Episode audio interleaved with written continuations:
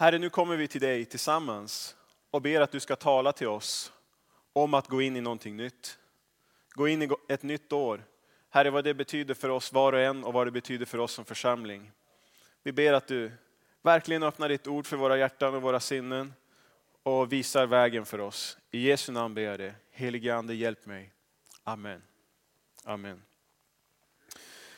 I Gamla Testamentet som jag ska läsa från idag så, så hamnar Israels folk de hamnar i fångenskap inte bara en gång utan två gånger. Först i Egypten som slavar och sen i fångenskap i Babylon. Och jag ska berätta om en berättelse från det senare som handlar om en ledare som heter Esra. Och Esra han ledde en grupp människor in i någonting nytt för dem när de skulle återvända från fångenskapen i Babylon till Jerusalem. Och det här handlar Esra, Esra bok om och framförallt kapitel 7 och 8 som vi ska gå till. Och om du vill följa med i biblarna i bänkarna så är det från sida 634. Esra är annars, för dig som har en annan bibel, det är lite före Saltaren och jobb i Gamla Testamentet. Men jag ska läsa lite grann ifrån Esra kapitel 7 och 8. Esra han ville, han ville gå tillbaka till Jerusalem och, för att se till templet där som kallades för Guds hus. Det hade precis byggts klart. Och när Esra gick och tänkte på att återvända då, då hände någonting mycket märkligt. Gud han gör så att den babylonske kungen som heter Artasastas och Babylons folk, han gör dem otroligt välvilliga mot Esra och Israels folk. Så kungen han skriver ett brev som vi ska läsa ifrån Esra kapitel 7. Där han berättar för Esra vad han vill göra för någonting för Esra och Israels folk. Och det är väldigt märkligt. Ifrån Esra kapitel 7 och vers 11 till 18 så läser jag hans, om hans brev. Så stod det i den skrivelse som kung Artarsastas gav prästen Esra, den skriftlärde, han som var kunnig i det som Herren hade befallt och stadgat för Israel. Artarsastas, eh, konungarnas konung, till prästen Esra, han som är lärare i himmelens Guds lag och så vidare. Jag befaller att var och en av Israels folk och av dess präster och leviter som bor i mitt rike och som vill fara till Jerusalem ska resa med dig. Konungen och hans sju rådgivare sänder iväg dig för att undersöka om förhållanden i Juda och Jerusalem är efter din Guds lag som är i din hand. Du ska föra dit silver och guld som konungen och hans rådgivare frivilligt har givit till Israels Gud, han som bor i Jerusalem. Likaså ska du ta med dig allt det silver och guld som du kan få i hela Babel tillsammans med de frivilliga gåvor som folket och prästerna ger till, de, eh, till sin Guds hus i Jerusalem. För dessa pengar ska du samvetsgrant köpa tjurar och baggar och lamm och sådant som behövs till de matoffer och drickoffer som hör till. Detta ska du offra på altaret i er Guds hus i Jerusalem. Och gör vad du och dina bröder finner lämpligt att göra enligt er Guds vilja med det silver och guld som blir över. Så eh, Det som är märkligt naturligtvis är att de får så mycket silver och guld med sig. Tidigare hade de förts mot sin vilja till den här fångenskapen. Men nu vill kungen skicka massor av silver och guld och hela folket när de ska återvända hem. Så vad som händer är att Esra han kallar på en del nyckelpersoner, kallar dem att följa med honom till Esra. De tar med sig allt silver och guld och de börjar sin resa och det kan man läsa om i kapitel 8. Och alldeles i början av deras färd så kommer de till en flod. Och där de stannar. Och den här floden den markerar att nu, ska vi, nu skulle de gå in i någonting nytt. När de korsar den här floden då var de på väg mot eh, Jerusalem. De lämnade Babylon och den resan skulle ta dem fyra och en halv månad kan man läsa sig till ifrån de här eh, kapitlerna. Och vid den här floden så gör Esra två saker som jag också vill läsa om ifrån kapitel 8. Det står i Esra 8 och vers 15 så här. Jag samlade dessa, alltså de som man hade med sig, folket, vid en flod som flyter till Ahava och vi slog läger där i tre dagar.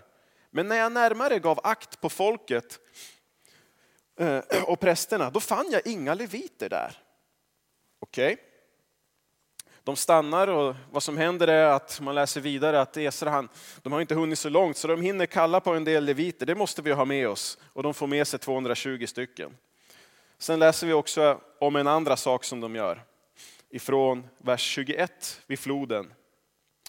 Så står det, vid floden Ahava där gjorde Esra en annan sak, inte bara kalla på leviter. Där lät jag utlysa en fasta för att vi skulle ödmjuka oss inför vår Gud och be honom om en lyckosam resa för oss, våra kvinnor och barn och alla våra ägodelar. Ty jag skämdes för att be kungen om soldater och ryttare till vårt beskydd mot fiender på vägen. Vi hade ju sagt till kungen, vår Guds hand är över alla de som söker honom så att det går dem väl. Men hans makt och hans vrede är mot alla som överger honom. Därför fastade vi och sökte hjälp av vår Gud och han bönhörde oss.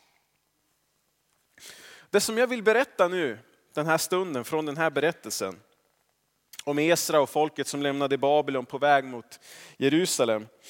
Det är för det första, vad har det här att säga om Jesus? Kan tyckas en liten konstig fråga, men sen, men sen ja, avslutningen så vill jag säga någonting om vad har den här berättelsen att säga oss om att gå in i någonting nytt, in i ett nytt år. Så vad säger den här berättelsen om Jesus? Det vill jag ägna en god stund åt. Kanske tycker du det är, finns det här som tycker det är en lite konstig fråga. För Jesus han nämns ju inte ens i den här berättelsen. Men även om inte Jesus namn nämns i den här berättelsen så vittnar den om honom. Och vi vet det Därför att Jesus han sa flera, flera gånger att hela lagen och profeterna, alltså hela gamla testamentet, det vittnar om honom, eller vittnar om mig. Egentligen hela, hela den här boken, hela bibelns syfte är att vi ska se Jesus, bli räddade genom honom och hålla honom dyrbar. Hitta, hitta vår glädje i honom. Och jag tror att jag behöver det i alla fall och jag tror att vi behöver det. Ännu mer tro och förväntan att se Jesus överallt i Guds ord. För egen del så, så ber jag när jag läser Bibeln för själv, då ber jag helige Ande visa mig Jesus. Och jag gör det mer nu än vad jag gjort någonsin förut. För jag vill se Jesus och jag har sån tro på att Jesus finns överallt i Bibeln. Jag liksom inte ger mig. Ni vet lite där, sådär som Jakob som brottades med Gud. Helige Ande, jag släpper liksom inte taget på det här bibelavsnittet förrän, jag får, förrän du visar mig Jesus. Så, så läser jag allt mer Bibeln. Och jag ska berätta nu hur det hände för mig i det som vi har läst här. Det brukar börja med att jag får någon tanke ifrån någonting av det som jag har läst. Som som får mig att tänka vidare, som får, får jag får ett nytt ljus över någonting. Och jag önskar att, jag har bett att, det, att ni ska få se samma sak som jag har sett i det som jag just har berättat. I den här, det, som, det som grep tag i mig till att börja med i den här berättelsen var just det här silvret och guldet som den här kungen frivilligt och hela folket frivilligt skulle ge till Esra och, och israeliterna när de var på väg ut. Och det slog mig att ja men, det här är ju faktiskt inte den första gången som, som Israels folk lämnar en fångenskap och de fick med sig jättestora skatter på väg ut. När jag säger så, vad tänker du på? Ja, en del av er tänker, men jag kan berätta att i, i, eh, när, de, när de lämnar Egypten, då hände ju faktiskt samma sak. Gud han gör egyptierna välvilliga så att de ger silver och guld och där står det till och med kläder. Och vi ska läsa, läsa om det bara så ni får se det från andra Mosebok 11. Egentligen samma sak händer som vi läste om nyss här i det här brevet. Andra Mosebok 11 så står det att det är genom Gud här då. Inför att den, Gud sänder ju flera plågor över Egypten innan farao slutligen släpper folket. Och inför den sista plågan så säger Gud så här i andra Mosebok 11 från början. Herren sa till Mose, ännu en plåga ska jag låta komma över farao och Egypten och sen ska han släppa er. Och han ska, driva, han ska till och med driva ut er härifrån när han släpper er. Säg därför till folket att var och en av dem, både man och kvinna, ska be sin granne om föremål av silver och guld. Och Herren gjorde egyptierna vänligt sinnade mot folket och dessutom hade mannen Mose stort anseende i Egyptens land, både hos faraos tjänare och hos folket. På samma sätt som när Esra och folket skulle lämna i Babylon. Samma sak hände här. Det är väl lite intressant. Så gjorde Gud vid det här uttåget och så gjorde Gud senare. Och faktiskt så hade Moses, eller Gud sagt det här till Mose redan i förväg. Vi ska inte läsa det, men när, när Mose får möta Gud vid den brinnande busken, då säger Gud till honom att ja, men jag ska göra folket vänligt sinnade så att de ska ge silver och guld när, ni, när du drar ut med dem. Och Gud han hade till och med sagt redan till Abraham, redan innan han hade en son, redan innan Israels folk fanns. Att hans ättlingar skulle, han fick se det i en syn, hans ättlingar skulle bli slavar i Egypten. Det sa han inte helt tydligt till Abraham, men att de skulle bli slavar i ett, i ett annat land. Och när de skulle dra ut därifrån, då står det så här, det här talar Gud till Abraham när han ger honom stora löften om vad han ska göra genom honom. Från första Mosebok 15 så kan man läsa så här i vers 13 och 14. Abraham han, han, är, han sover och Gud talar till honom i, i synen igen, när han sover. Herren sa till Abraham, det ska du veta att dina efterkommande ska bo som främlingar i ett land som inte är deras. Där ska de bli slavar och man ska förtrycka dem i 400 år. Men det folk som gör dem till slavar ska jag döma. Och sedan ska de dra ut med stora ägodelar. Och ni vet, när jag, när jag funderar och läser om allt det här, om att Gud, det, det är liksom en röd tråd här. Att varenda gång Israels folk är på väg utifrån ett slaveri och Gud, har, och Gud har gett löften till Abraham om ett arv som de ska få. Så är, finns det med genom hela deras historia. Och Frågan är naturligtvis varför gör Gud så här? Varför gjorde Gud så här både i Egypten och Babylon med silvret och guldet? Och vad vill Gud säga genom att ha talat om det här redan i förväg både till Mose och Abraham? Ja, det är en fråga. För mig så hjälper det att tänka på vad, vad det här silvret och guldet skulle gå till. Minns ni det i berättelsen när, i Astartas brev? Jo, det skulle gå till Jerusalems tempel och till för att köpa alla de offer som skulle offras där, eller hur? Till templet och till offren. Och det här är ju intressant, för vad, vad, vad, vad, vad vittnar Jerusalems tempel och templets djuroffer om för någonting? De vittnar om Jesus. Jerusalems tempel, nu ska jag citera lite från Nya Testamentet, det pekade fram emot han som sa, alltså Jesus, i Johannes 2 och 19 så sa han så här, riv ner detta tempel så ska jag bygga upp det igen på tre dagar. Och judarna de reagerade när han sa så där. Då, då fortsätter de att säga, i 46 år har man byggt på detta tempel. Det tempel som precis var klart och Esra och folket skulle återvända till. Och du säger att du ska resa, eh, resa upp det på tre dagar. Och då säger Johannes att det tempel som han talade om, det var hans kropp. Och när han hade uppstått ifrån de döda kom hans lärjungar ihåg att han hade sagt det och de trodde på skriften och på ordet som Jesus hade sagt. Lägg märke till det som sägs här i slutet i Johannes evangeliet eh, kapitel 2 som jag läste.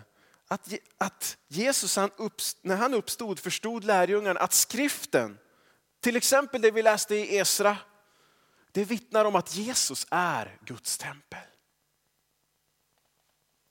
Samma sak är sant om varenda offer i templet som det här silvret och guldet skulle gå till. Det pekar mot, fram emot han som Johannes döparen han talade om honom och sa när han kom och såg honom, Johannes 1 och 29.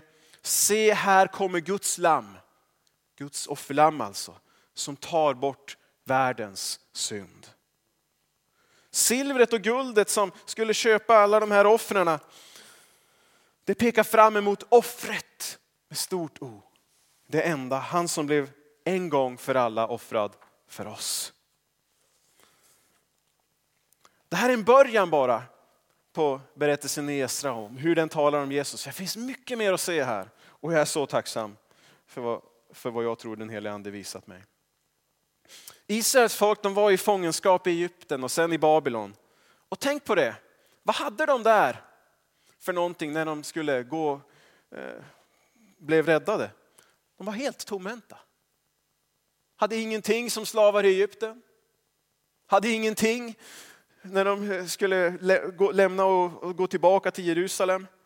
De hade ingenting eget att ta med sig när Gud befriade dem.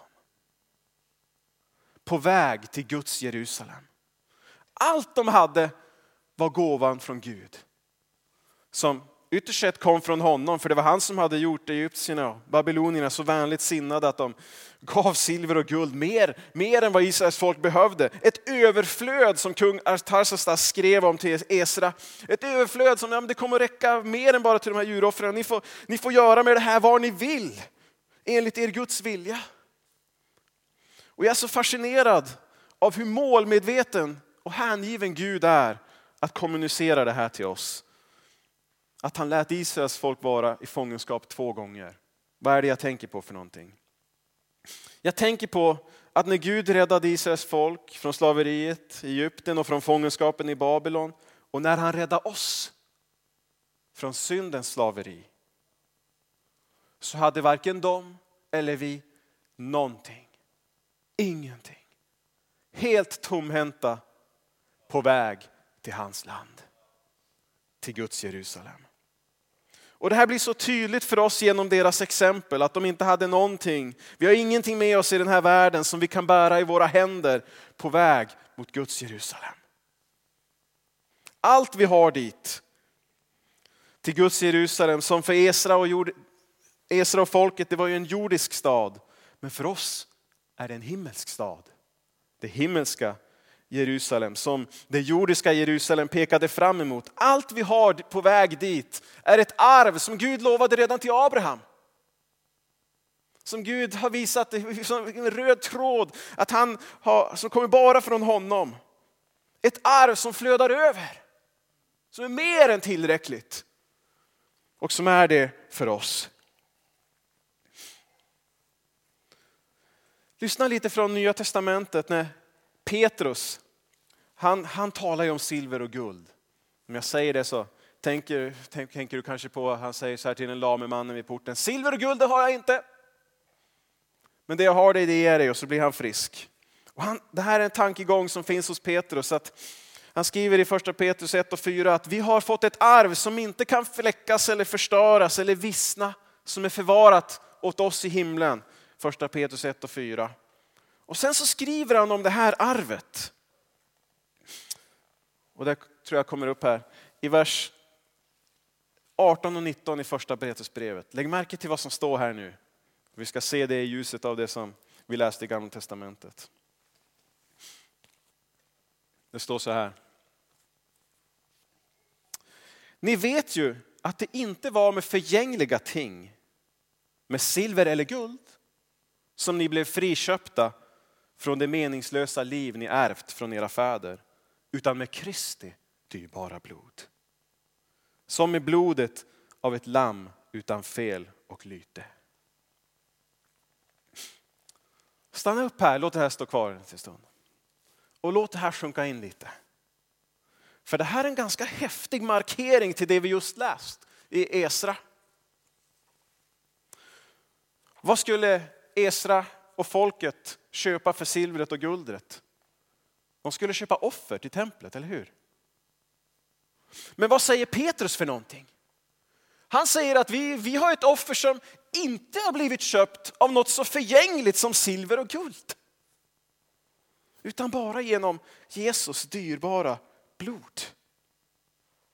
Som varenda offer som silvret och guldet genom hela Israels folkhistoria pekar fram emot mot hans offer. Det som de fick ta emot det var ett förgängligt arv som vittnade om det arv som inte kan förstöras. Som det jordiska Jerusalem med sitt tempel var en bild på. Det vittnar om arvet som Gud har berett i evigheten, i den himmelska staden, i himmelska Jerusalem. Som Uppenbarelseboken, där står det om att där finns det inte ens något tempel.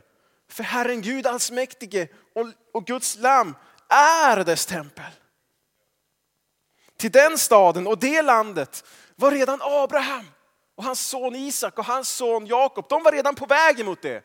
Det säger Hebreerbrevet. Där står det att de, redan innan de fick några barnbarnsbarn och det blev ett Israels folk så var inte de främst på väg till det jordiska Jerusalem. Hebreerbrevet 11, vers 15 och 16 beskriver det här att de såg och blickade fram emot det himmelska landet. Den himmelska staden som Gud hade berett. Och Gud han har bestämt att alla vi som har kommit med längs vägen och på vandringen till Guds Jerusalem genom Jesus, som allt det Gud gjorde genom Israels folk vittnade fram emot, vi ska komma fram tillsammans med dem. Så står det i Hebreerbrevet 11 och 40 att Gud har förutbestämt någonting bättre åt oss. Att först tillsammans med dem som har gått före, alltså från Israels folk, visst tillsammans med dem ska vi nå målet. Så Esra och de som var med honom, de vandrade på väg mot en stad som var en jordisk bild på den himmelska verklighet som vi är med och på väg mot. Och tillsammans så skulle vi kunna egentligen sjunga en sång med dem som jag ska sjunga på lite grann alldeles snart. Som väver samman alla de här berättelserna, Egyptien, befrielsen därifrån, resan från Babylon och alla våran resa i Jesus mot Guds himmelska Jerusalem. Lyssna till två verser, vi ska sjunga den här sången senare tillsammans, men lyssna nu bara när jag sjunger den. Om det som jag har sagt. O, hur saligt att få vandra hemåt vid vårt faders hand. Snart vi slutat ökenfärden och går in i Kanans land. Härligt sången där ska brusa stark som dånet av en vattenflod.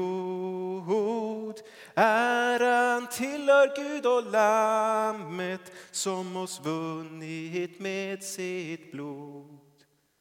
Här vid älvarna i Babel tystnar ofta nog vår sång men vi väntar bättre dagar i Jerusalem en gång.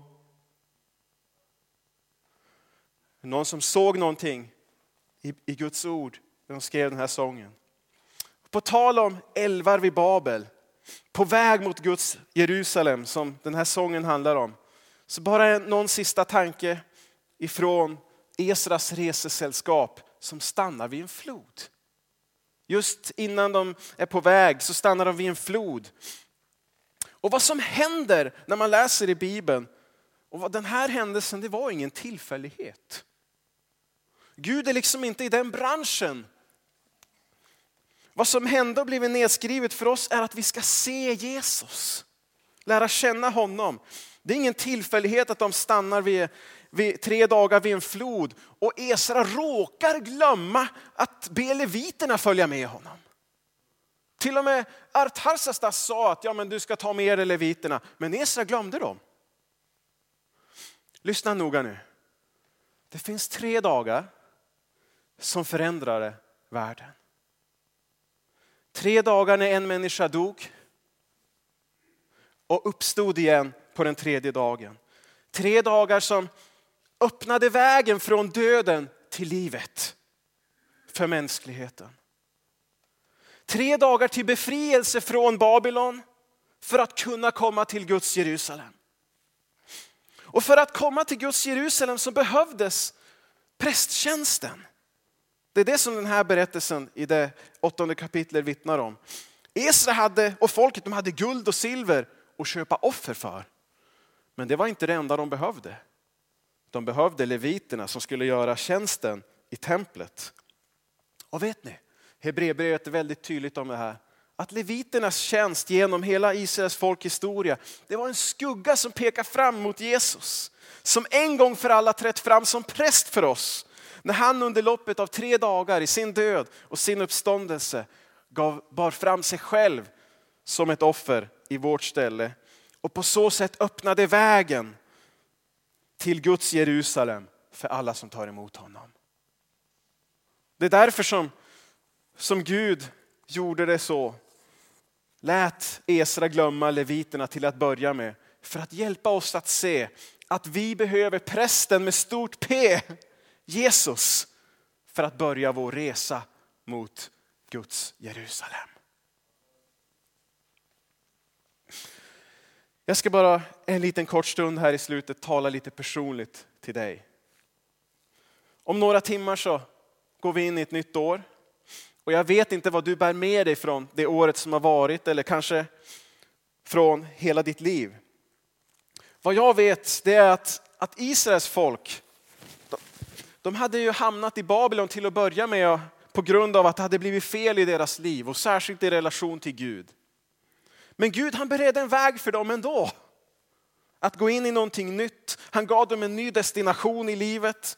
Han gav dem ett hopp om ett arv som inte kan förstöras. Ett arv som är ett arv i överflöd som blickar fram emot det arv som vi förstått mer av.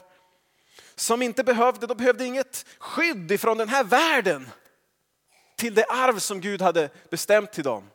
Esra han oroade sig lite grann, ja men vi skulle vi ha bett kungen om, om soldater och ryttare. Nej, men det vittnar om att vi behöver ingen, inget, inget skydd som den här världen kan ge för det arv som Gud har bestämt och förberett till oss. För att arvet kommer helt ifrån honom. På samma sätt kan man säga att det är för, för dig och mig. Att vilka misslyckanden, svårigheter, problem, saker som har hänt som var jobbigt, som vi lämnar bakom oss det här året eller genom hela vårt liv. Så är Gud, han är mäktig, han är god. Han är nådefull att hjälpa och förse för framtiden. Genom Jesus som allt i den här berättelsen pekar fram emot. Så jag skulle vilja uppmana dig idag att överlåta ditt liv till honom. Till Jesus. Jesus, du, du får mitt 2018. Jag vill ge mitt liv till dig.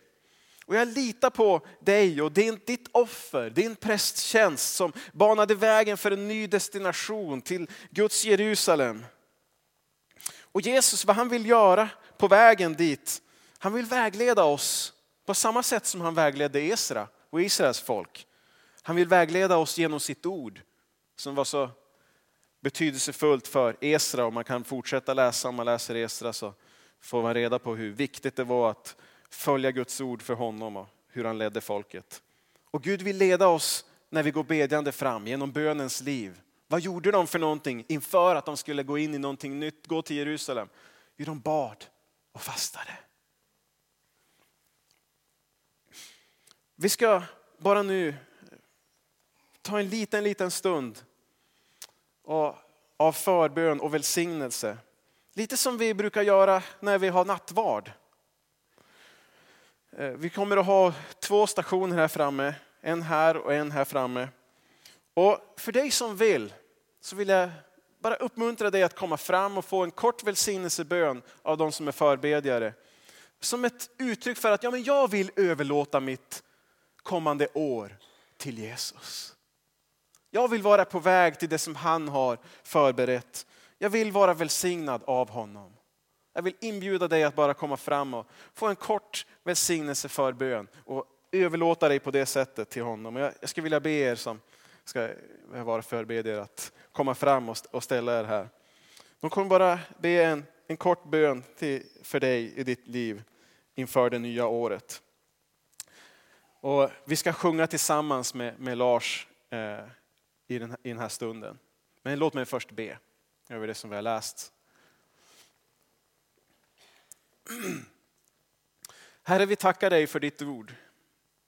Som du är mäktig att tala igenom på så besynnerliga sätt.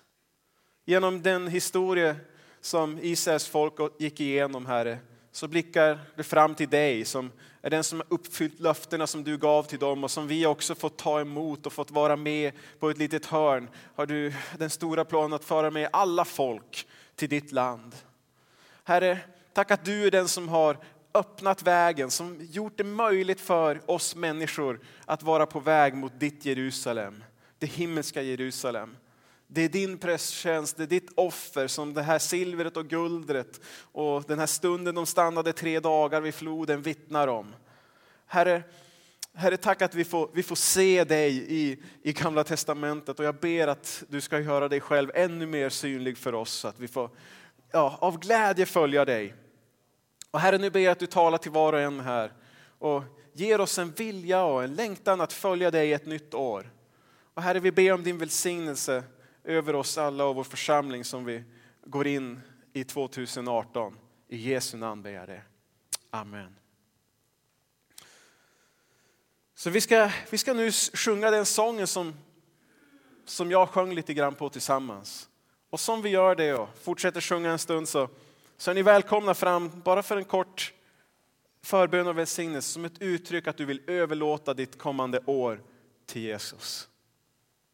Välkommen.